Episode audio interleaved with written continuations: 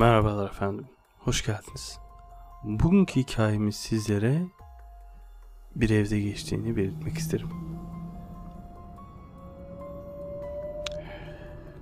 Jenny her zaman gibi evinde bulaşıkları yıkarken aşağı taraftan bir kapı gıcırtısı gelir.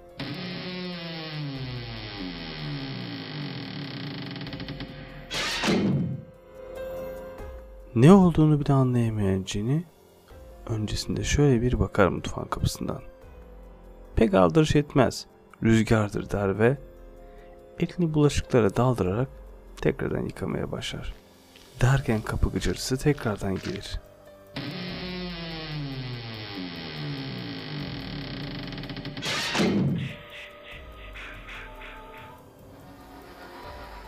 Hiç olmadık şekilde bir yağmur, bir gök gürültüsü başlar. Kendisi önce aldırış edemez. Mutfağın penceresine doğru gider. Gerçekten de yağmur yağmaya başlamıştır. Der ki, evet gerçekten de yağmur yağıyor ve rüzgar çıktı. O yüzden kapı gıcırdadı.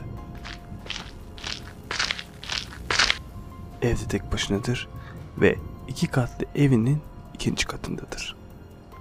Dubleks olan evinin alt katındaki misafir odasından da aslında sesler gelmektedir.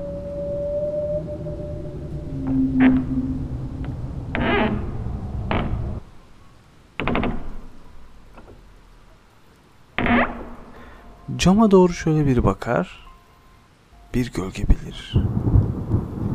Öncesinde anlayamaz. Gitsem mi, kalsam mı, acaba başka bir şey mi var derken kendisini yormaz. Derken bir ses daha gelir.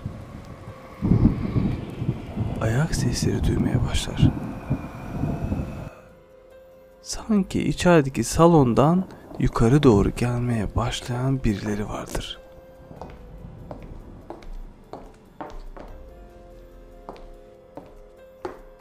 Korktuğunu aslında çok belli etmez.